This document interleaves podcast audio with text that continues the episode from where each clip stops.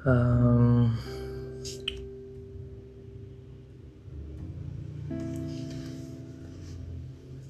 uh, halo teman-teman pendengar yang sudah meluangkan dan merelakan kupingnya mendengarkan celotehan gue yang sok tahu dan gak jelas. Thank you juga buat yang udah mungkin meluangkan waktunya buat dengerin cerita gue di podcast yang pertama. Gue lihat kemarin tuh ada sekitar 20-an orang dan gue nggak expect sampai segitu sih. ada orang, satu orang, dua orang yang dengerin aja. Uh, ada kesenangan tersendiri buat gue gitu karena kayak ya yang gue ceritain kan bukan kayak yang mendidik lah atau kayak konten uh, uh, apa namanya daging gitu-gitu. Bukan yang uh, mencerdaskan bangsa gitu. Bukan bukan yang kayak gitu kan. Cuman kayak cerita apa adanya aja yang pengen gue ceritain. Jadi seada-adanya aja udah gitu. Tapi uh, ternyata sampai ada 20-an orang yang dengerin ya. Gue juga nggak tahu juga sih itu deh mereka tuh dengerinnya dari awal sampai habis gitu. Atau cuma kayak uh, denger 5 menit awal atau tiga menit awal udah alah nggak jelas nih ngomong apaan sih nih si Saka bisa cabut gitu. Gue nggak tahu. Cuman ya melihat angka 20-an itu juga udah seneng sih gue thank you buat kalian? Uh, apa ya? Gue mau ngomongin apa hari ini? Hari ini capek sih gue capeknya karena malamnya itu gue tidurnya di atas jam satuan lah. Tidurnya tuh di atas jam satuan. Terus baru bangun tuh tadi jam sembilanan jam sepuluhan. Jadi subuh lewat. Ya aduh. Di antara sholat-sholat yang lain memang subuh tuh paling susah ya aduh. Susah banget itu. Bahkan di umur gue yang hampir 28 tahun ini uh, sholat tuh masih bolong-bolong ya aduh. Padahal gue jebolan pesantren loh. Memalukan emang gue nih. Tidak patut ditiru ya itu ya. Gue bingung juga sih. Jadi dulu tuh dulu nih waktu gue di pesantren tuh apa karena ada tuntutan ya?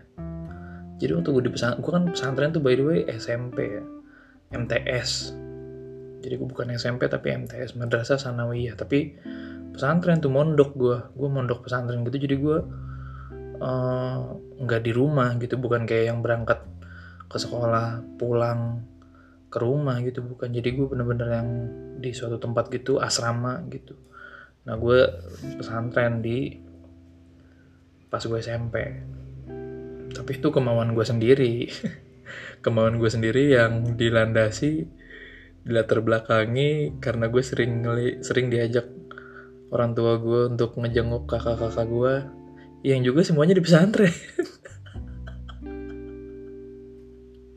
Jadinya gue uh, brainwash gue uh, secara nggak langsung gue merasa iya nih kayaknya gue harus pesantren juga gitu.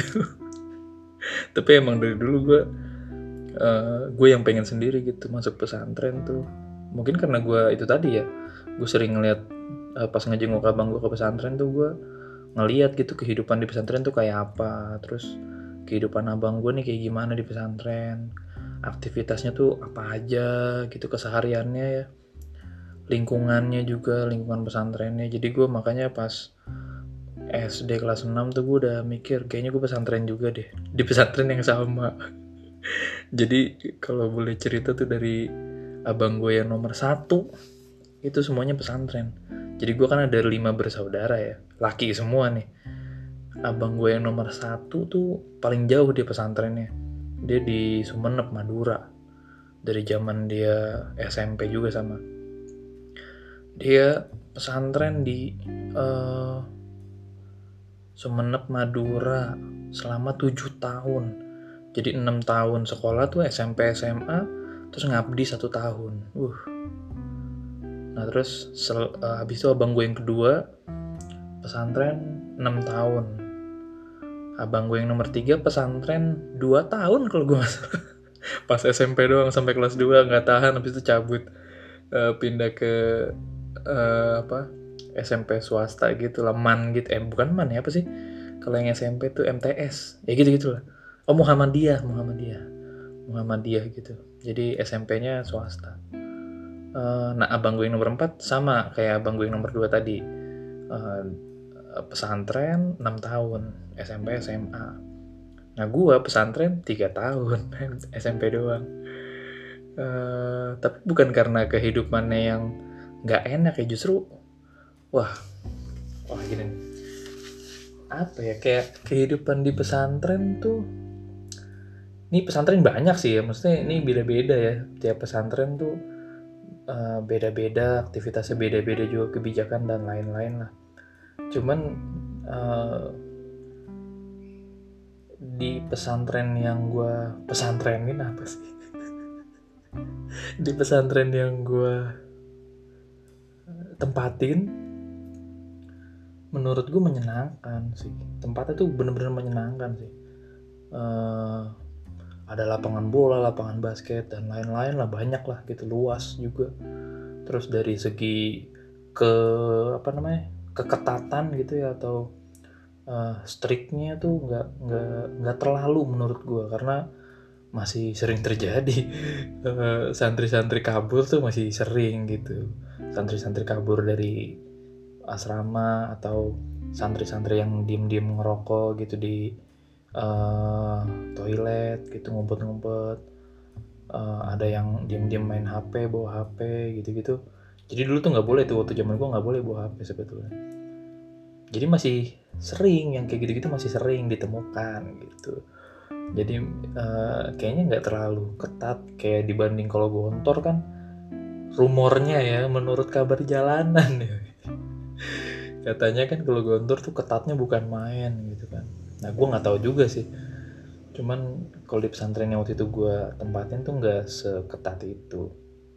Cuman secara aktivitas tuh menyenangkan banget sih menurut gue dan hidup di pesantren tuh apa ya bikin gue belajar sih. Belajar sih parah sih. Jadi ya mungkin karena ini ya karena di pesantren itu kan gue uh, sekamar sama banyak orang gitu ya dari berbagai daerah. Ada temen gue orang Palembang ada temen gue orang Jawa. Ada orang Kalimantan juga ada. Jadi bener-bener uh, apa dari berbagai daerah gitu nyatu di situ. Uh, kita hidup bersama gitu hidup hidup bersama maksudnya hidup bareng gitu dalam, dalam satu kamar. Jadi satu kamar luas isinya tuh bisa sampai 30 orang lah satu kamar.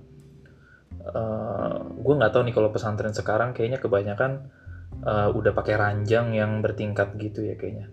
Cuma kalau zaman gue dulu tuh pesantren itu uh, bawa kasur masing-masing kan kasurnya tuh bu masing-masing jadi beda-beda tuh kasur. Tapi rata-rata ya single single gitu lah ya lu tau ya kasur yang single gitu. Rata-rata bawa kasur kayak gitu tapi ujung-ujungnya tuh kasur pada hilang-hilangan. Ada yang kasurnya dibawa ke kelas buat tidur di kelas. Ada yang kasurnya diambil sama kakak kelas gitu-gitu uh, ujung-ujungnya di kamar tuh kasur kayak cuma 2 sampai tiga doang. Sedangkan uh, uh, isi orangnya tuh ada 30-an gitu. Tapi ya uh, 30 itu uh, apa ya? Kalau gue sih kebetulan jadi banyak belajar gitu dengan banyak orang di satu ruangan gitu ya. Gue jadi uh, belajar oh nih ini uh, apa? Ini tuh uh, wilayahnya dia nih. Misalkan kayak lemari kan dibagi dua nih. Satu lemari dua pintu. Nah gue cuman setengahnya gitu. Jadi masing-masing satu pintu gitu. Tapi lemarinya tuh satu gitu satu pintu. Eh satu satu lemari dua pintu. Ada banyak tuh lemarinya jejer gitu kan. Terus uh, gue jadi kayak uh, oh kalau misalkan ini kan sebelah gue kan lemari teman gue gitu. Jadi gue harus menghargai uh, apa ya space-nya dia lah gitu. Kayak di atas lemari kan bisa aja gue di atas lemarinya gue naruh barang gue semua tuh koper-koper kan bisa aja sebetulnya kan. Cuma kalau koper gue semua kan kayaknya udah abis tuh uh, tempat buat temen gue ini udah nggak ada tuh jadinya tuh buat naruh koper. Jangan gue jadi itu jadi make makanya jadi setengah doang gitu. Pokoknya setengah doang gitu. Kayak gitu itulah jadi banyak belajar toleransi lah. Toleransi sih lebih menghargai juga uh, antar sesama santri. Tapi aduh seru banget sih. Gue gue nggak tahu ya kalau di pesantren lain sih ya. Cuman kebetulan di pengalaman gue sebagai santri itu wah menyenangkan banget. Walaupun gue cuma tiga tahun sih. Uh, alasan gue cabut juga maksud bukan cabut alasan gue nggak melanjutkan SMA di pesantren juga bukan karena kehidupannya bukan. Tapi karena kayak dari gue SD kan gue udah uh, belajar komputer kan gue dari SD bahkan dari gue uh, TK tuh gue udah sering belajar belajar komputer gitu di rumah uh, dari komputer bokap. Nah di pesantren itu pas gue SMP pelajaran komputernya itu cuman itu itu doang. Nah itu yang gue yang gue rasa melatar belakangi gue waktu itu untuk milih. Bukan untuk milih untuk bilang ke orang tua gue uh, Saka nanti eh, SMA-nya di luar aja ya gitu. Mau nyari yang komputer soalnya. Soalnya di sini praktek komputernya tuh gitu-gitu doang gitu. Malah uh, sering banget dalam dalam dalam dalam beberapa kesempatan tuh kalau kita ke laboratorium komputer itu tuh bukan belajar soal perkomputeran gitu ngerti gak sih? Bukan kayak belajar office gitu bukan. Kayak kadang nih bukan kadang seringnya nih suka kayak nonton ini yang disetelin yang film-film azab tau gak sih? Ini bukan yang gue omongin bukan Indosiar ya bukan. Tapi film-film yang ada manusia ikan pari lu lu ini kalau kalau lu angkatan-angkatan lama lu pasti tahu nih yang ada ikan pari ya manusia ikan pari yang katanya dia nginjek Al-Quran apa ngebanting Al-Quran gitu terus dia berubah jadi manusia pari. Manusia pari terus uh, waktu itu ada manusia dikutuk sama anak-anaknya atau enggak sih lo yang kayak yang kayak binat binatang nih gitu terus uh, cuman kulit kulit doang gitu nggak ada bulunya gitu terus uh, sama anak-anaknya juga. Anak-anaknya juga pada kayak gitu. Nah itu katanya ini di, orang dikutuk gitu. Terus ada orang dikutuk uh, menyerupai singa gitu-gitu tuh. Tau gak sih lu? Nah itu tuh zaman gue uh, pesantren tuh di laboratorium komputer sering disetelin kayak gituan. Yang yang dikasih lihat uh, apa ada uh, uh, apa may bukan mayat po pocong lagi. Apa namanya? Jasad gitu jasad di dalam kubur yang lagi kena azab gitu-gitu tau gak sih nah itu yang keseringan disetel di laboratorium komputer waktu gue pesantren. Makanya gue ngerasa kayak ini apaan sih nih pelajaran komputernya sedikit banget gitu ya. Walaupun uh, tetap ada pelajaran komputer cuman lebih dominasi nonton film yang tadi itu gitu CD-CD bajakan itu juga tuh gue tahu tuh anjir. Uh, akhir gue cuma tiga tahun di pesantren dan gue ngelanjutin di SMK uh, eh, multimedia gitu. Nah kebetulan SMK-nya itu deket rumah gue jadi gue tinggal jalan kaki gitu deket tapi itu sih seru banget sih parah di di pesantren tuh.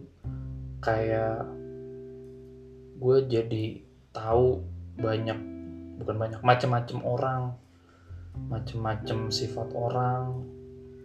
Terus kayak gue gue jadi tahu bahwa betapa salahnya orang tua yang uh, punya anak eh, maksudnya betapa salahnya orang tua yang anaknya nakal di luar terus dimasukin pesantren berharap anaknya itu jadi bener gitu.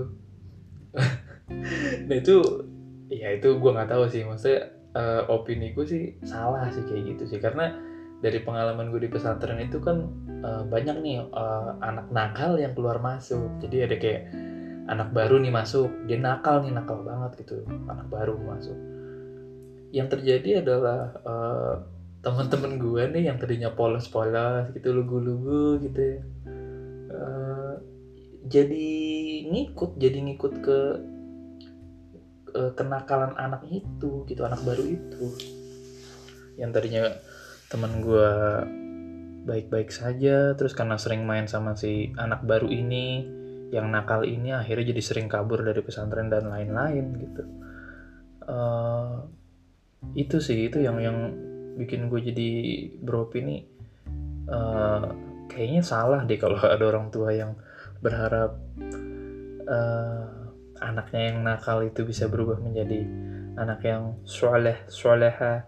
Ketika dimasukin pesantren justru malah menebar kenakalannya gitu. Jadi menyebar ke teman-teman yang lain sih. Kalau di pengalaman gue gitu sih so far. Cuman kalau ada di antara lu semua yang punya gitu temen yang tadinya temen di pesantren gitu yang tadinya nakal terus bener-bener berubah jadi baik sih ya bagus sih.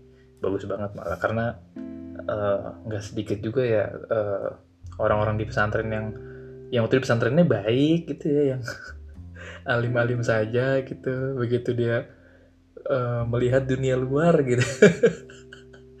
Melihat dunia yang sebenarnya gitu di luar pesantren gitu. Untuk pertama kalinya entah SMA kayak gua atau pas dia uh, kuliah gitu. Gua nggak uh, gua nggak tahu. Uh, banyak yang yang akhirnya malah uh, baru ngerasain dunia luar terus akhirnya malah jadi bandel gitu. Baru nakalnya tuh baru gitu. Uh, karena baru ngerti dunia luar tuh kayak gini ternyata. Oh oh kayak gini tuh ternyata nggak apa-apa. Oh kayak gini tuh ternyata lumrah gitu gitu nggak uh, uh, sedikit yang kayak gitu. Nah termasuk gua sih. Termasuk gua. Ini gua aduh. Uh, jadi pas gua SMK ini ini menjijikan sih sebetulnya. Kalau gue inget-inget anjir menjijikan banget gue.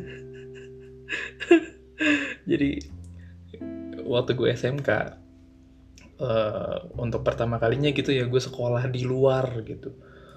Uh, nggak pertama kalinya sih maksudnya selepas SMP atau selepas pesantren tuh gue sekolah di luar SMK negeri gitu uh, multimedia. Itu tahu nggak sih betapa gue kagetnya bahwa gue tuh seruangan sama cewek? Maksud gue gue dalam berada dalam satu ruangan sekelas gitu sama cewek.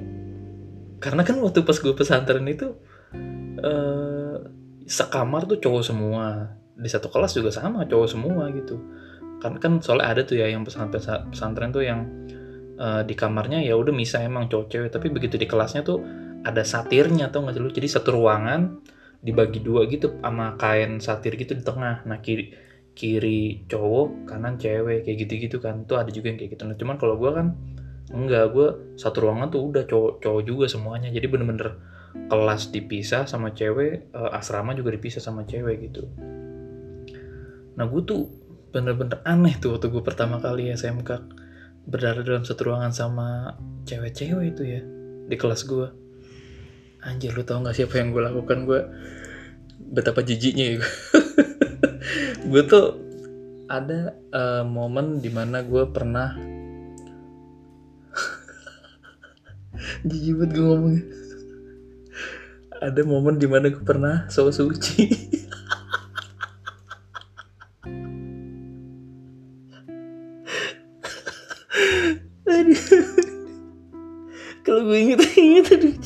banget ada ada momen di mana gue uh, merasa su suci karena kayak ya yes, gue kan anak pesantren gitu ya. Gue nggak pernah bersentuhan dengan uh, uh, yang bukan muhrimnya asik terus uh, pernah di satu momen ada teman gue yang mau kenalan. Bukan teman gue maksudnya calon temen gue ya waktu itu karena masih kelas 1 SMK uh, ya baru-baru masuk itulah terus mau kenalan terus ya sewajarnya orang kenalan gitu kan ya uh, menodongkan tangan gitu ke depan eh siapa nama lu? gitu kan. Terus gue yang ini tau gak sih lo yang kayak uh, posisi tangan yang kayak maaf lahir batin gitu tau gak sih lo yang kayak oh iya Saka gitu anjir aja bahkan gue kayak uh, sempet kayak jatuhnya kalau dibully bukan bully juga sih. Cuman emang kayak gue dicengin aja gitu kayak gue di digangguin aja gitu. Kayak karena cewek-cewek di kelas gue tuh tahu gue tuh uh, kayak gitu ke cewek ya waktu awal-awal SMK gue tuh jadi sering digangguin kayak uh, eh Saka sini dong main gitu. Uh, kalau nggak kayak eh Saka tolong ini dong tolong ini ini. So, gue misalkan gue nggak mau nih dia tuh kayak berusaha menyentuh gue gitu terus gue yang anjir. Jijik banget ya gue jadi jadi mereka berusaha menjamah gue gitu kan kayak uh, terus gue yang apa minggir minggir gitu kayak merasa jangan jangan sentuh aku gitu gitu gitu bukan muhrim gitu gitu di cicipet gue sumpah. Itu kelas satu SMK tuh gue kayak gitu tuh. Saking gue nggak tahu harus bersikap kayak gimana berada dalam satu lingkungan sama harim-harim ya kan? Gue nggak tahu. Sampai dulu tuh uh, si cewek itu kan juga yang gue suka juga sebetulnya. Ceweknya tuh gue suka di kelas gue tapi ya gitu kan emang gue cemen gue pemalu pada zaman itu. Ya gitu cuman itu. Gue tuh kayak kayak bener-bener baru pertama kali aja gitu uh, bersinggungan gitu sama cewek.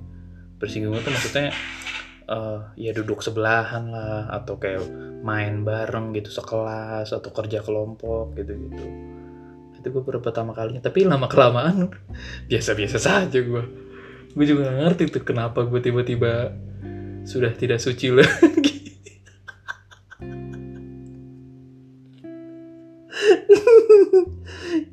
Anjir. Kenapa gue tiba-tiba nggak suci lagi ya waktu zaman kelas 2 SMK tuh ya. Udah biasa aja gue kayak mau ngobrol sama cewek udah biasa aja gitu. Udah bukan yang uh, uh, kita bukan muhrim udah bukan yang begitu lagi gitu. Udah bukan yang so suci lagi gitu. Tapi gue nggak tahu tuh kenapa gue bisa begitu. Mungkin karena uh, ya itu akhirnya gue tahu bahwa oh ternyata kayak gitu tuh lumrah ya. Maksudnya maksudnya ya udah biasa aja gitu nggak yang gimana gimana salaman sama cewek ya udah salaman ya udah biasa aja gitu ini gue ngomongin secara umum aja ya maksudnya kalau secara agama kan mungkin ya memang tidak boleh bersentuhan ya kan? Tapi karena saya hidupnya di kehidupan yang umum-umum saja tidak yang khusus-khusus gitu. Jadi gue merasanya waktu itu oh ternyata biasa aja maksudnya ya udah nggak apa-apa gitu mau salaman gitu mau gandengan ya udah biasa aja gitu. Bonceng-boncengan sama cewek gitu kan. Di motor kalau misalkan kayak mau uh, kita mau uh, pergi bareng gitu ya segeng gitu misalkan. Uh, terus cewek ada yang ngebo, uh, ada yang minta bonceng gitu gitu ya nggak apa-apa gitu gitu nah gue baru tahu kayak gitu gitu walaupun waktu gue SMA kebanyakan gue yang dibonceng sih. Maksudnya gue ngeboncengin orang. Eh ngebonceng gue yang gue yang bonceng sama orang karena gue tuh nggak bisa naik motor sampai gue SMA anjir SMA nggak bisa naik motor. Gue nggak tahu ya betapa betapa uh, bagusnya menurut gue bokap gue tuh ngejaga gue dengan tidak memberikan gue motor sampai gue SMA bahkan SMA tuh gue juga sama sekali nggak dikasih motor. Gue tuh baru dikasih motor kuliah gue oh baru ingat gue ya bener. Jadi gue SMA tuh banyak kan nebeng gue sama teman se sebangku gue sama teman main gue gitu. Jadi gue rata-rata tuh atau ya 90% tuh gue diboncengin sama temen gue kalau gue waktu SMA tuh. Gue baru bisa motor pun ya pas SMA pas kelas 2 lah kelas 2an ya baru bisa gue naik motor karena itu juga dari motor temen gue bukan dari motor bokap gue di rumah bukan. Jadi motor temen gue terus temen gue mungkin merasa kayak muak gitu kayak tai lu gue boncengin mulu lu lu gantian dong gitu. Mungkin ya gue gak tahu. Akhirnya gue kayak belajar tuh motor dari dari motor teman gue gitu cara gue belajar gue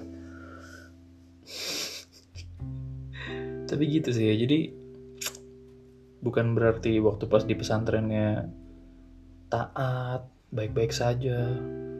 Keluar pesantren masih baik-baik saja tidak. Mungkin gak semua ya gak semua yang yang masih bertahan dengan jalur yang baik gitu ya. Ya bagus patut ditiru gitu patut disyukuri bahwa nggak pernah kena yang aneh-aneh nggak pernah kebawa sama lingkungan yang aneh-aneh bahwa nggak pernah terpapar sama lingkungan yang aneh-aneh itu ya patut patut disyukuri lah. Karena sesungguhnya orang-orang yang tadinya baik-baik saja lurus-lurus saja tiba-tiba jadi jadi salto.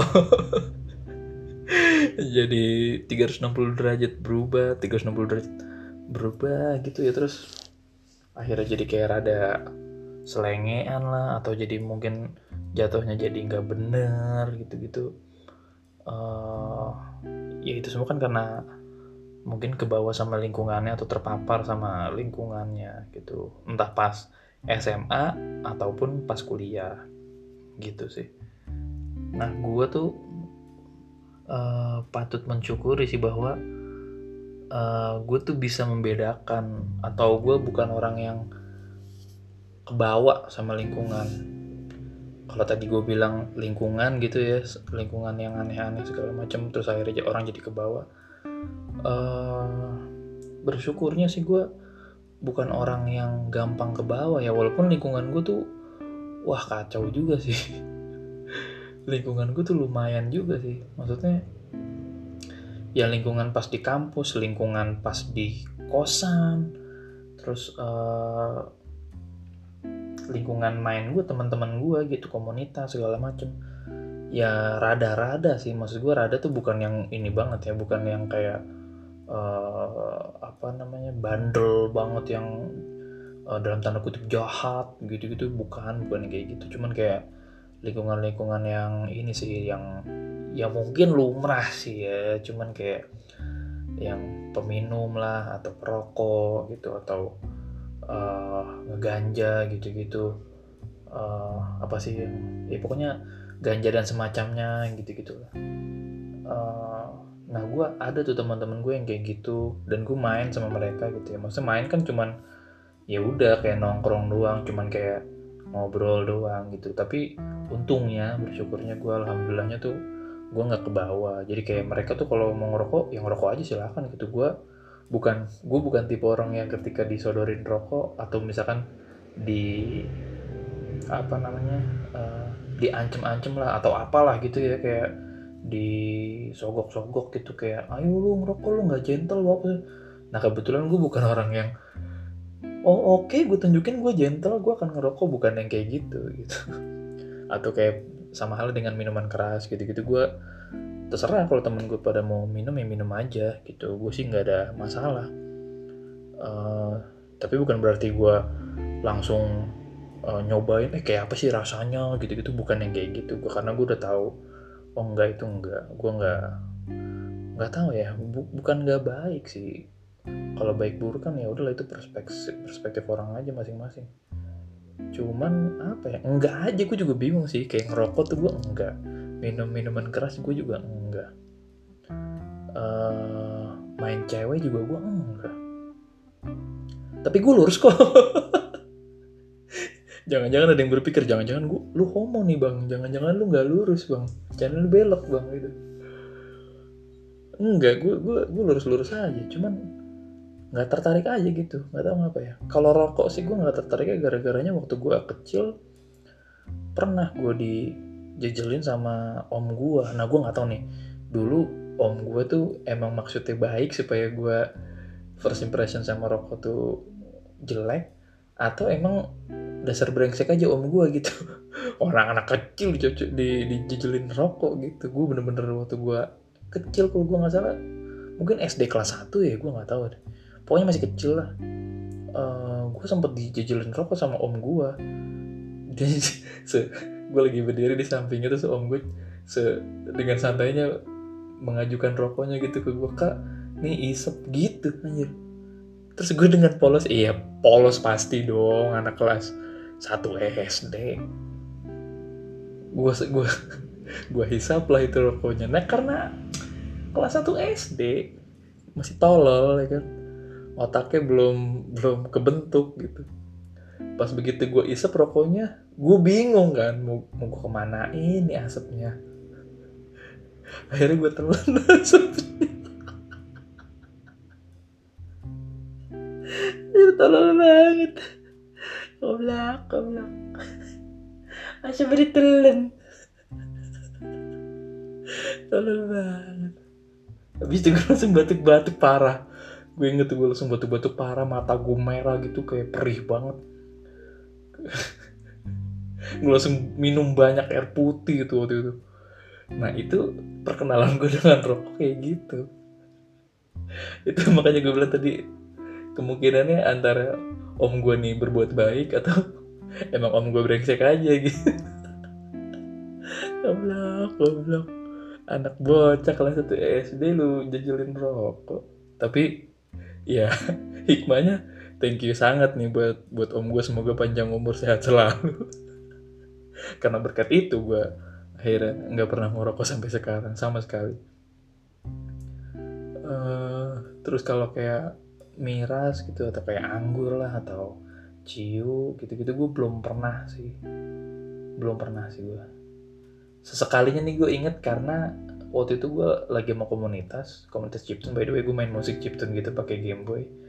Uh, waktu itu masih di Tangerang gue uh, gue lagi gathering nih di Sumarekon di downtown.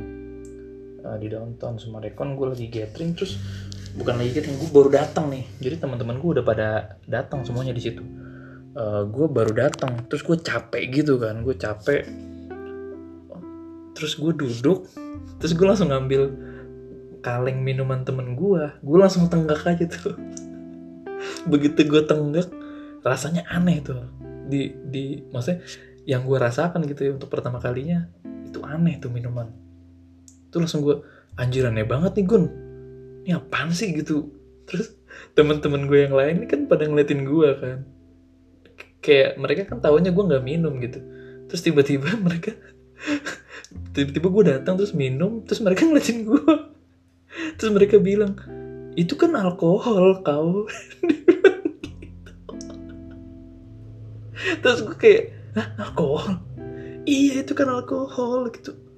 Anjir gue bilang pasan aja rasanya aneh. Gue bilang gitu karena emang gue nggak pernah minum sama sekali gitu. Jadi sekalinya pas gue minum pun itu gue ngerasanya nggak enak tuh rasanya tuh aneh banget aneh banget. Itu sekali kalinya gue minum ya kayak gitu tapi kan. Udah habis itu gue tahu oh ternyata ada bir-bir kalengan kayak gini terus yang ada alkoholnya ternyata ada nih kayak gini-gini. Nah gue jadi tahu kayak gitu gitu udah sampai sampai sekarang tuh gue nggak pernah minum-minum minum gitu ya minum yang orang bilang minum tuh ya gue nggak pernah sih. Uh, gue cuma pernah kayak apa cuma nyium aromanya doang tuh. Waktu itu temen di kosan gue beli anggur kan. Terus gue kayak apa sih? Kayak gimana sih? Kok lu mau sih minum-minum gituan tuh? Seenak apa sih? Cuma gue nggak nyobain. Gue cuman nyium baunya doang gitu kayak oh iya sih baunya wangi. Udah. Gue jadi memaklumi bahwa uh, ya dari wanginya aja udah enak gitu. Makanya mungkin orang jadinya uh, beli lagi gitu terus minum gitu. Dan mungkin rasanya juga enak ya tapi gue nggak tahu juga sih. Begitu tuh kalau minuman keras. Terus kalau cewek ya. Cewek. Sangat tidak experienced banget gue ya. Cemen gue tuh. Jangankan main cewek gue gue pacaran pertama kali aja. Kuliah gue kuliah 2012 gue tuh nganggur setahun by the way. Jadi 2011 gue lulus S SMK gue nggak langsung kuliah gitu. Jadi gue nganggur lulus tahun baru di 2012 nya uh, gue kuliah. Nah gue baru pacaran aja pertama kalinya. Pacaran yang uh, beneran gitu ya. Maksudnya yang bukan beneran sih kayak uh, secara secara pengertian tuh ya pacaran gitu. Punya kekasih gitu. Itu ya pertama kali pas gue kuliah di 2012 itu. Itu pertama kalinya banget gue sebelumnya sih gue di SM di pesantren pernah sih. Di pesantren tuh gue pernah sih pacaran. Tapi kan kayak nih gue jelasin ya. Gue nggak tahu ini apakah termasuk pacaran atau enggak gue nggak tahu ya. Masa apakah bisa didefinisikan bahwa gue tuh punya pacar dan gue berpacaran apa enggak gue nggak tahu nih gue kasih tahu kalau jadi pas gue pesantren uh, gue ada naksir nih sama cewek. Kita kan asrama kan yang tadi gue bilang kan asrama beda gedung nih jauh. Dipisahin itu sama lapangan bola sama lapangan basket sama lapangan bulu tangkis. Jadi jauh jauh banget. Cuman kan masjid itu satu masjid satu. Jadi ketika kita berangkat ke masjid gitu jalan ke masjid di seberang sana tuh kelihatan cewek-cewek juga lagi pada berangkat ke masjid gitu. Uh, jadi kita tuh pada mantau-mantau gitu loh dari jauh oh ini tuh si ini oh itu si ini. Itu keren juga ya dari dari jauh udah kelihatan. Padahal jauh banget itu jaraknya. Nah gue tuh ada suka sama satu cewek pas gue pesantren tapi gue suka dan gue tahu orangnya juga ya karena kita tuh satu ekskul. Jadi gue tuh uh, pesantren SMP gue tuh masih ikut pramuka. Karena gue aktif pramuka dari SD sampai gue SMA nah pas SMP itu pas gue pesantren gue aktif banget. Justru lagi aktif-aktifnya banget gue pramuka. Nah kalau latihan pramuka itu atau lagi harinya ekskul gitu ya itu kan ya udah sesama ekskul uh, put cowok dan cewek itu kan di satu uh, ke, uh, da, kawasan gitu ya. Misalkan misalkan gue nih pramuka nih gitu. Nah gue latihan tuh di depan uh, masjid gitu di lapangan bulu tangkis gitu. Jadi lapangan bulu tangkis ini netnya nggak ada gitu dicabut. Terus kita buat buat latihan pramuka di situ. Nah di situ tuh ya cowok cewek pramukanya jadinya gitu. Nah di situ kan gue jadi lebih jelas ngelihat ceweknya kayak gimana segala macam. Jadi ngobrol juga di situ kan. Uh, ngobrol tapi ya gitu jarak, jarak jauh gitu kan.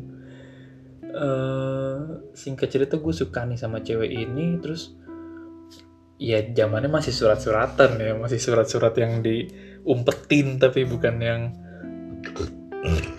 bukan yang secara terang-terangan kita ngasih ke dia gitu enggak nggak boleh. Bisa dibotakin gue kalau ketahuan pacaran kayak gitu di pesantren jadi suratnya masih surat yang nitip-nitip gitu atau kayak dilempar gitu atau pakai kode-kode apa gitu.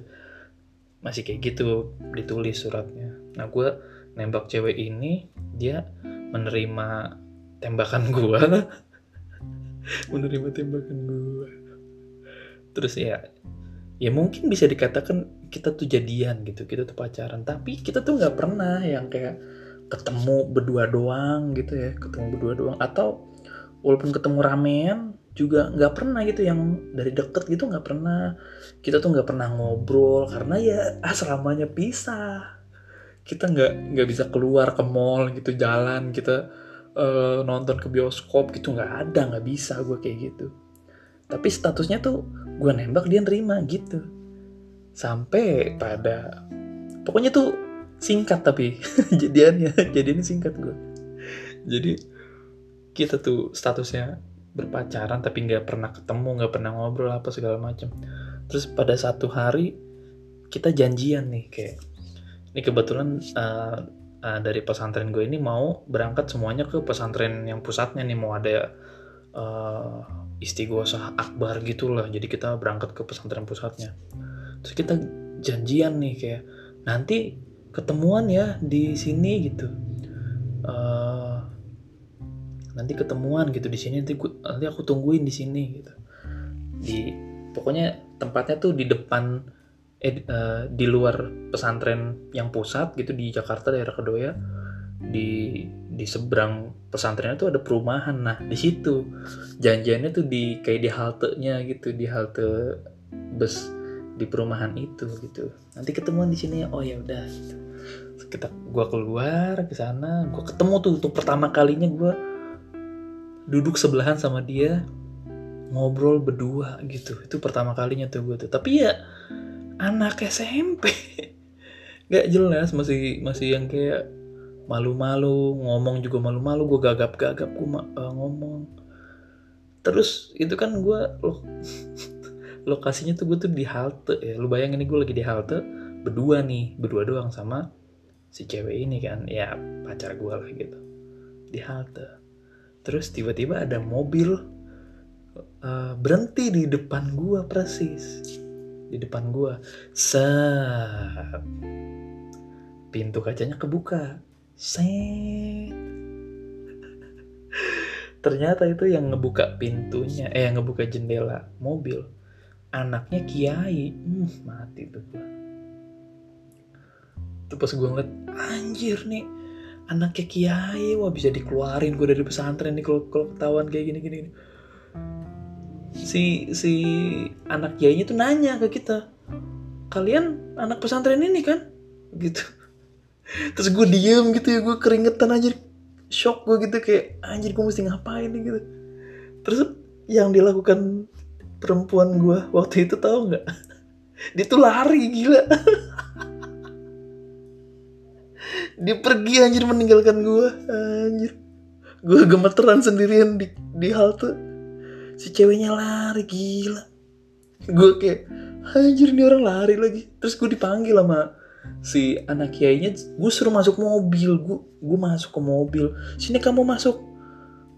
Gitu. Terus gue ya udah dengan polosnya gue masuk. Pasrah gue kayak aduh. Gue di mobil tuh udah yang aduh anjir gue dikeluarin dan gue kelas 3 SMP waktu itu ya posisinya. Karena jadi kayak ah gila sih gue nih harusnya bentar lagi lulus kenapa gue jadi ketangkep begini? Gitu-gitu aja. Gue dibawa ke rumah kiai lu. Gila lu gila lu. Betapa gemeternya gue dibawa ke rumah kiai di sidang gila lu. Untungnya ya waktu itu singkat cerita untungnya gue nggak kenapa-napa gue nggak dikeluarin gue nggak ada sanksi apa-apa gue nggak ada uh, pasca kejadian itu gue mengirim surat untuk terakhir kalinya ke si pacar gue itu. Tapi lu tau gak sih gue tuh ini ini uniknya lagi uniknya lagi gue tuh sama cewek gue itu karena karena sama-sama anak pramuka kita tuh surat-suratannya pakai sandi rumput.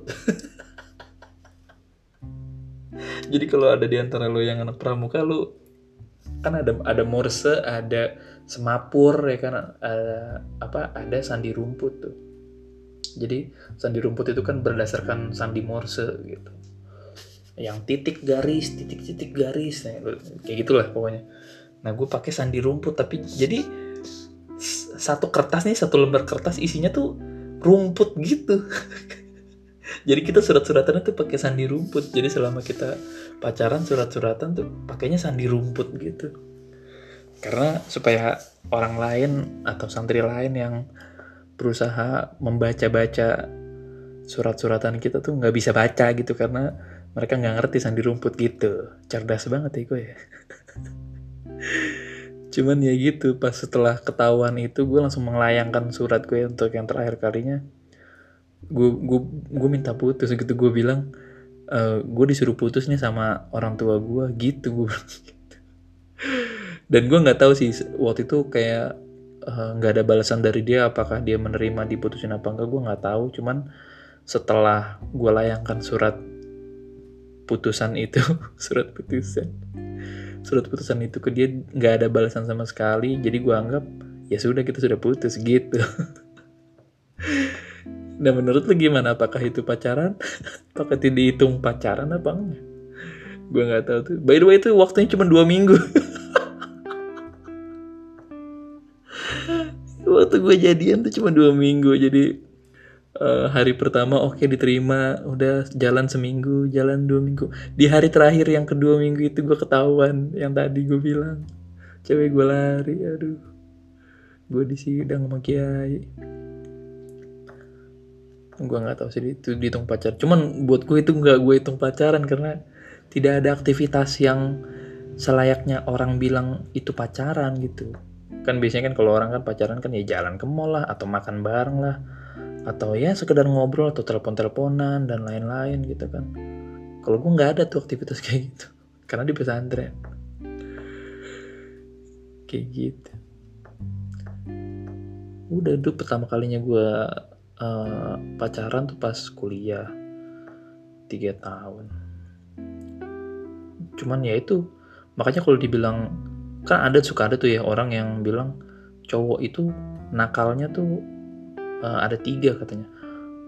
Kalau misalkan dia bukan nakal uh, narkoba gitu atau ganja uh, ya dia pasti peminum. Kalau bukan pasti dia suka main cewek. Nah gue nggak tahu ya. Gue bukannya kayak uh,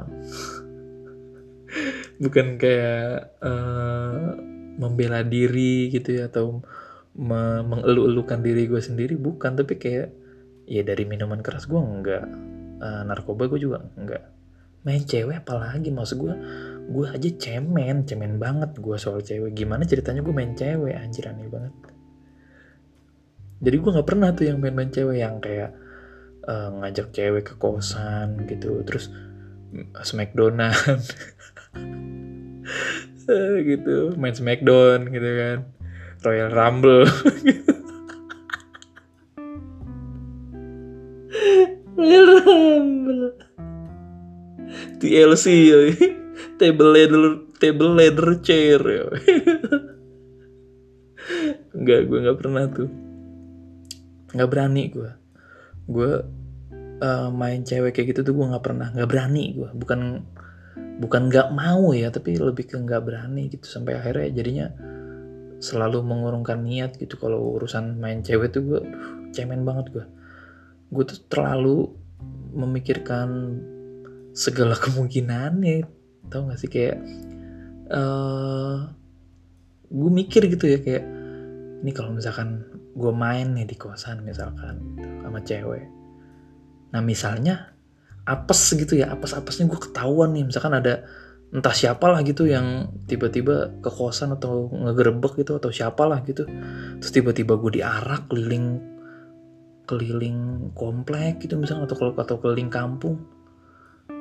Gila maksud gue uh, kemungkinan itu sih maksudnya overthinking gue itu yang yang akhirnya bikin gue nggak pernah berani gue main-main cewek gitu atau kayak uh, pijat plus plus gitu-gitu gue nggak berani gue bener. Dah nggak berani gue bener. Gue aja kaget ketika uh, uh, ketika gue tahu bahwa uh, orang pacaran nih cowok cewek hmm, ketika orang pacaran cowok cewek uh, mereka tuh main. Uh, lu paham maksud gue ya? Hmm. mereka tuh main gitu terus uh, gue baru tahu ternyata hal-hal hal kayak gitu tuh lumrah. Bahwa cowok sama cewek pacaran terus mereka main tuh ternyata lumrah biasa aja gitu. Bukan hal yang uh, gimana gimana gitu dipandangnya ternyata itu hal yang lumrah aja. Uh, nah itu gue aja baru tahu di 2020 kemarin. Di 2020 kemarin gue baru tahu hal kayak gitu ternyata lumrah. Gue baru tahu ternyata banyak teman-teman gue sekomunitas gitu se sepermainan lah gitu yang yang ternyata mereka tuh ya ya biasa aja kayak gitu mah gitu. Terus gue yang anjir gue selama ini menganggapnya itu tuh kan kayak menci menciderai anjir menciderai. Kayak tidak menghargai lah gitu kayak wanita kan harusnya kan dicumbu tidak dong. Maksud gue wanita kan harusnya uh, dihargai lah gitu. Bukan bukan kayak bukan kayak gitu. Tapi kan uh, case-nya itu kalau orang pacaran kan sama-sama suka ya. Jadi bukan bukan memperkosa jadi sama-sama suka gitu. Nah itu gue baru tahu tuh ternyata oh kayak gitu ternyata biasa aja loh lumrah loh ternyata. Nah gue saking cemennya gue kayak gitu aja gue baru tahu 2020 kemarin gila cemen banget gue tapi ya di balik itu ya dengan dengan segala pro kontra ini pasti yang dengerin juga kayak anjing so, so, so suci banget nih sisakan nih gitu. Cuman ya itu sih gue cuman balik dari tongkrongan temen gue yang ngobrolin soal kelumrahan itu gitu. Balik dari situ gue di jalan tuh ngerasa anjir betapa bersyukurnya ya gue ya maksudnya gue nggak nggak pernah tuh yang yang kayak gitu-gitu. Nggak pernah gue yang kayak gitu-gitu. Maksudnya ternyata gue masih dijaga nih selama ini gitu. Gue mikirnya sih gitu ya gue gue mikirnya kayak gila gue masih dijaga selama ini sampai sampai sekarang. Nggak pernah gue main cewek kayak gitu. Tapi ya itu itu kalau gue ya maksud gue terserah aja sih kalau lu dan cewek lu mungkin sudah biasa melakukan itu atau lu dengan siapa pun biasa melakukan itu atau kayak pijit plus plus dan lain-lain itu itu mah urusan orang aja masing-masing gitu. Maksud gue bukannya gue kayak uh, menyalahkan atau gue kayak uh, apa ya mengharamkan gitu. Enggak itu tuh selalu aja itu. Maksud gue gue tuh cerita ini tuh karena uh, ya emang apa yang gue alami itu karena emang itu yang yang gue alami di tahun lalu bahwa gue tuh baru tahu ternyata hal, -hal kayak gitu lumrah. Um, by the way kemarin tuh gue uh, hari apa tuh ya hari Sabtu hari Sabtu tuh gue sibuk banget tuh gue Sabtu itu gue ngetek video untuk uh, perform virtual chiptune di uh, Itali. Itu untuk yang kedua kalinya. Terus hari minggunya uh, jadi hari Sabtu itu gue ngetek nih video nih seharian. Terus malamnya tuh gue uh, editing kan edit videonya gitu sama audionya segala macem. Terus langsung gue kirim terus uh, besokannya gue ngelarin proyekan yang sisa 5 jam lagi gitu. Nah gue sering banget tuh kayak gitu tuh jadi kayak proyekan ilustrasi uh, tersisa deadline-nya. Sisa waktunya nih sisa waktunya tinggal kayak 5 jam 6 jam 8 jam 4 jam pernah bahkan gue uh, baru gue kerjain gitu. Itu sering banget tuh kayak gitu. Jangan ditiru ya. Uh, akhirnya hari minggunya kemarin tuh gue ngebut ngerjain proyekan itu. Tapi ya karena ini ini ini pembelaan sih jatuhnya sih. Ini jatuhnya pembelaan sih karena gue mikirnya uh, ini ya kayak kayaknya ketaker aja gitu buat gue uh, untuk ngerjain satu project tuh. Misalkan gue lihat gitu briefnya ya. Briefnya gue lihat oh kayak gini kayak gini. Oh kayak gini kayak gini. Nah gue tuh kayak udah naker oh ini tuh bisa dikerjain dalam berapa jam kayak gitu. Kayak gitu-gitu udah ketakar aja sama gue makanya mungkin gue jadi leha-leha. Uh, jadi bukan kalian saja yang sering rebahan dan leha-leha gue pun sama masih sering kayak gitu. Uh, lu jangan pernah merasa paling rendah sendiri gitu lu jangan pernah merasa ah gila gue nggak pernah seproduktif orang lain gue tidak pernah seproduktif si A. Kenapa temen gue si ini produktif sekali? Ya kenapa gue enggak? Aduh kenapa nih diri gue enggak? Maksud gue lu nggak sendirian men gitu. Ada jutaan umat manusia di muka bumi ini yang juga sama gitu. Sama aja sebetulnya. Kayak uh, yang penting sebetulnya kan nih jangan jangan diter jangan terus menerus aja sebetulnya gitu. Gue juga sama. Ada ada masanya gue belajar gitu untuk manage waktu gue untuk manage energi gue supaya dalam sehari tuh bisa efektif uh, apa yang gue kerjakan. Uh, tapi ya gitu ada masanya tiba-tiba gue loyo ada masanya tiba-tiba gue keluar jalur gitu kayak tiba-tiba gue malas-malesan gitu tiba-tiba gue pengen rebahan tiba-tiba uh, nggak uh, pengen ngapa-ngapain leha-leha gitu-gitu. Sering sering banget gue kayak gitu. Cuman ya gitu karena gue mikir uh, harusnya ada banyak hal yang bisa gue kerjain. Kadang gitu tuh kadang kita cuma butuh kayak uh, triggernya aja sih trigger yang bikin kita tuh balik lagi. Kayak kemarin tuh kalau gue triggernya tuh karena uh, jadi ini gue cerita dulu. Jadi uh, mungkin sebulan atau dua bulan yang lalu gitu gue rada-rada nggak bersemangat lah gitu. Apa ya?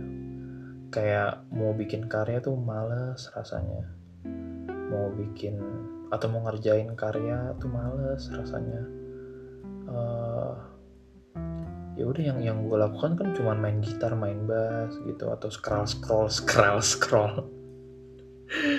kayak gitu aja kan. Uh, tapi ya tiba-tiba gue ketrigger gitu bahwa uh, yang yang yang gue lakukan itu sebetulnya kan uh, secara gue nggak sadar itu udah berdampak sama orang lain. Ya at least atau paling tidak buat buat keluarga gue gitu. Sedangkan uh, keluarga gue keluarga gue nih jelas uh, jelas banget masih butuh gue untuk lebih uh, lebih uh, semangat lagi kerjanya gitu. Jadi masih banyak orang-orang yang butuh gue untuk lebih semangat lagi kerjanya. Jadi kadang kalau gue udah trigger kayak gitu tuh gue langsung balik lagi nih kayak kemarin pas hari Sabtu Sabtu ya iya. Sabtu tuh gue uh, uh, akhirnya jadi kayak langsung ngetek video malamnya langsung ngedit video besok kan ngerjain proyekan gitu. Uh, sampai sore malamnya langsung uh, nonton live gue sendiri. Karena acaranya kan pas malam kemarin tuh uh, minggu malam jam 11an gitu malam. Terus tadi gue langsung uh, packaging kaos gitu kaos-kaos produksian gue yang desainnya tuh kolaborasi sama Second Syndicate akhirnya tadi malam ini gue eh uh, sore inilah sampai malam nih tadi gue packaging gitu. Jadi balik lagi gitu semangatnya balik lagi gitu. Karena gue jadi uh, udah udah mulai tertampar lagi gitu, gitu bahwa kayak uh, banyak orang-orang yang masih butuh gue untuk lebih semangat lagi kerjanya untuk bisa menghasilkan lebih banyak lagi untuk bisa lebih bermanfaat buat orang banyak lagi gitu. Uh, ya kayak misalkan tadi eh tadi. Iya tadi hari ini. Ini hari ini tuh hari Senin ya pas gue uh, record ini. Hari Senin tadi uh, anaknya kakak gue tuh masuk rumah sakit. Terus uh, butuh biaya segala macem. Terus gue jadi sedih karena gue nggak bisa nolong gitu. Karena gue nggak bisa uh, ngebantu uh, secara finansial gitu ya. Gue masih uh, masih belum bisa ngebantu gitu. Kebetulan gitu. Karena proyekan gue tuh ya ini nih ini uh, pelajaran buat kalian para calon ya calon orang-orang yang mungkin berpikir freelancer adalah jalan ninjaku nah ini ini yang perlu lu catat bahwa freelancer itu kan nggak uh, nggak tentu penghasilannya uh, bisa bisa gede banget kadang bisa juga nol banget juga bisa gitu nah kebetulan pas di bulan Juli kemarin kalau nggak salah ya. Juli apa? Juni Juli apa? Pokoknya beberapa bulan yang lalu tuh gue emang lagi sepi banget tuh proyekan. Sejujurnya jadi proyekan gue lagi sepi, uh, sepi. Bukan bukan bukan gak ada ya sepi. Jadi mungkin kayak cuma satu dua doang gitu setiap bulannya makanya gue cuman cukup buat uh, kehidupan gue aja gitu. Gue belum bisa sampai uh, ngebantu keluarga gue lagi. Nah kebetulannya kemarin pas bulan Juli tuh eh, gue ada sedikit banyak eh sedikit banyak.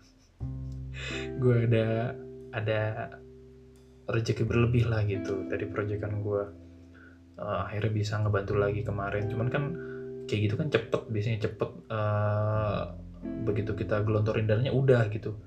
Uh, nah besokannya kayak kayak tadi nih hari ini kakak gue anaknya masuk rumah sakit. Nah kayak gitu kan jaraknya tuh belum lama gitu dari pas gue kemarin ngelontorin duit gitu kan.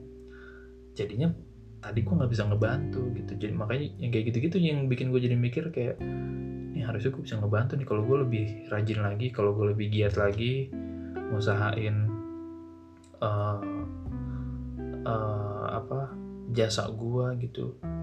Ngusahain apa yang gue bisa lah gitu. Entah di jasa entah dibikin produk gitu di, di uh, ngebangun brand.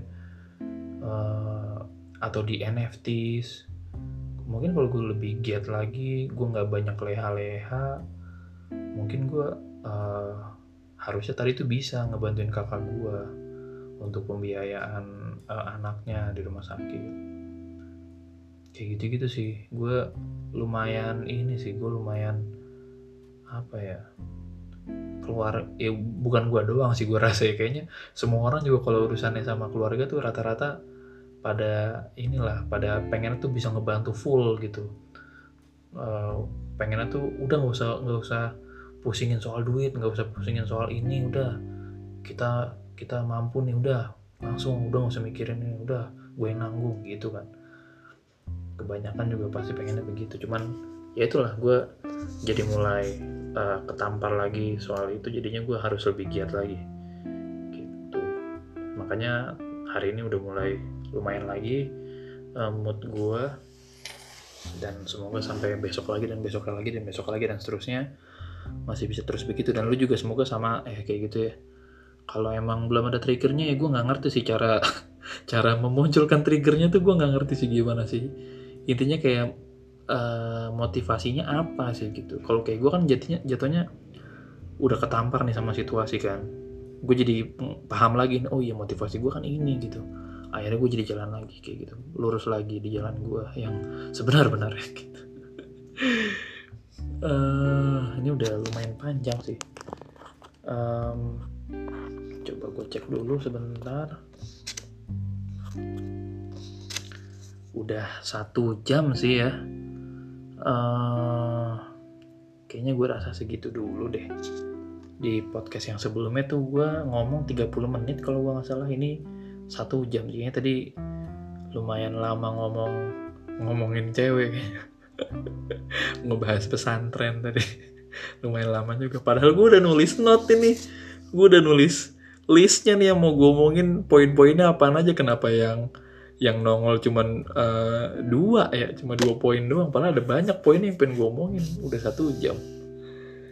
Tapi ya udahlah gitu dulu ya. Gue nggak tahu sih ini uh, gue tuh selalu kalau cerita kayak gini tuh apa adanya aja sih. Gue nggak pernah ngada-ngada. Gue nggak pernah ngadi-ngadi lah gitu. Gue pengen sharing tuh sama lu tuh ya udah apa adanya. Beginilah gue begitulah ceritanya gitu. Nggak pernah ada yang gue ada-adain. Kalau gue males sih gue cerita males. Kalau gue lagi uh, ngedown ya gue cerita ngedown gue lagi sedih gue cerita lagi sedih gitu. Gue sih pengennya di podcast gue ini gue pengen apa adanya aja gitu. Kalau ada yang dengerin sampai habis gue berterima kasih banget. Karena uh, eh, gue nggak tahu ya gue ngerasanya seneng gitu kalau ada pendengar tuh seneng. Sama kayak misalkan lu uh, lagi ngobrol gitu atau teleponan sama cewek lu terus lu uh, cerita gitu kan. Terus cewek lu dengerin atau cowok lu dengerin gitu dengan baik. Kan seneng gitu ya. Uh, nah itu juga yang gue rasakan gitu. Kalau misalkan emang ada orang yang dengerin ini sampai habis gitu tuh gue seneng aja. Walaupun gak ditanggapin ya. Walaupun gak ada tanggapan ya nggak apa-apa juga. Yang penting gue udah cerita uh, dan berterima kasih banget kalau lu udah mau mendengarkan sampai habis. Uh, mungkin kalau ada yang mau ngobrol sama gue atau nanya-nanya boleh lah uh, eh, DM ke uh, Instagram gue at uh, DM aja langsung. Nanti di podcast setelahnya mungkin gue akan coba bacain uh, apa pertanyaan lu gitu atau topik yang pengen lu bahas tuh apa uh, atau lu mau cerita juga nggak apa-apa jadi gue bisa uh, ngedengerin juga gitu uh, cerita lu kayak gimana. Jadi bukan cuman gue yang bercerita dan lu mendengar, tapi lu juga bisa bercerita lewat uh, DM ke gue. Gue juga nanti akan uh, merespon uh, cerita lu di podcast gue selanjutnya. Jadi nggak apa-apa lah, gue cuma pengen menyediakan kuping gue sebagaimana kalian semua telah melakukannya. Gila 20 orang lebih di podcast yang pertama kemarin tuh unexpected sih. Jadi gue nggak tahu yang ini akan banyak apa enggak gue nggak expect apa apa juga. Gue cuma pengen cerita udah intinya. Ya udahlah gitu aja lah. Ini gue udah jam 10 hampir setengah 11 malam. Uh, gue juga capek tapi tadi habis uh, packaging ini lumayan juga ternyata uh, tadinya mau hiring tapi gue nggak jadi. Biasanya gue hiring tuh kalau gue lagi packaging kaos tuh gue pasti hiring biasanya. Biasanya adik-adik kelas anak multimedia di kampus gue gue ajakin tuh kalau ada yang mau gitu satu dua orang. Tapi karena ini uh, gue rasa gue bisa handle sendiri jadi ya udah gue handle sendiri. Ya udah gitu lah ya. Pegel juga nih gue ini kopi gue juga udah makin mencair nih esnya. Oke okay, thank you semuanya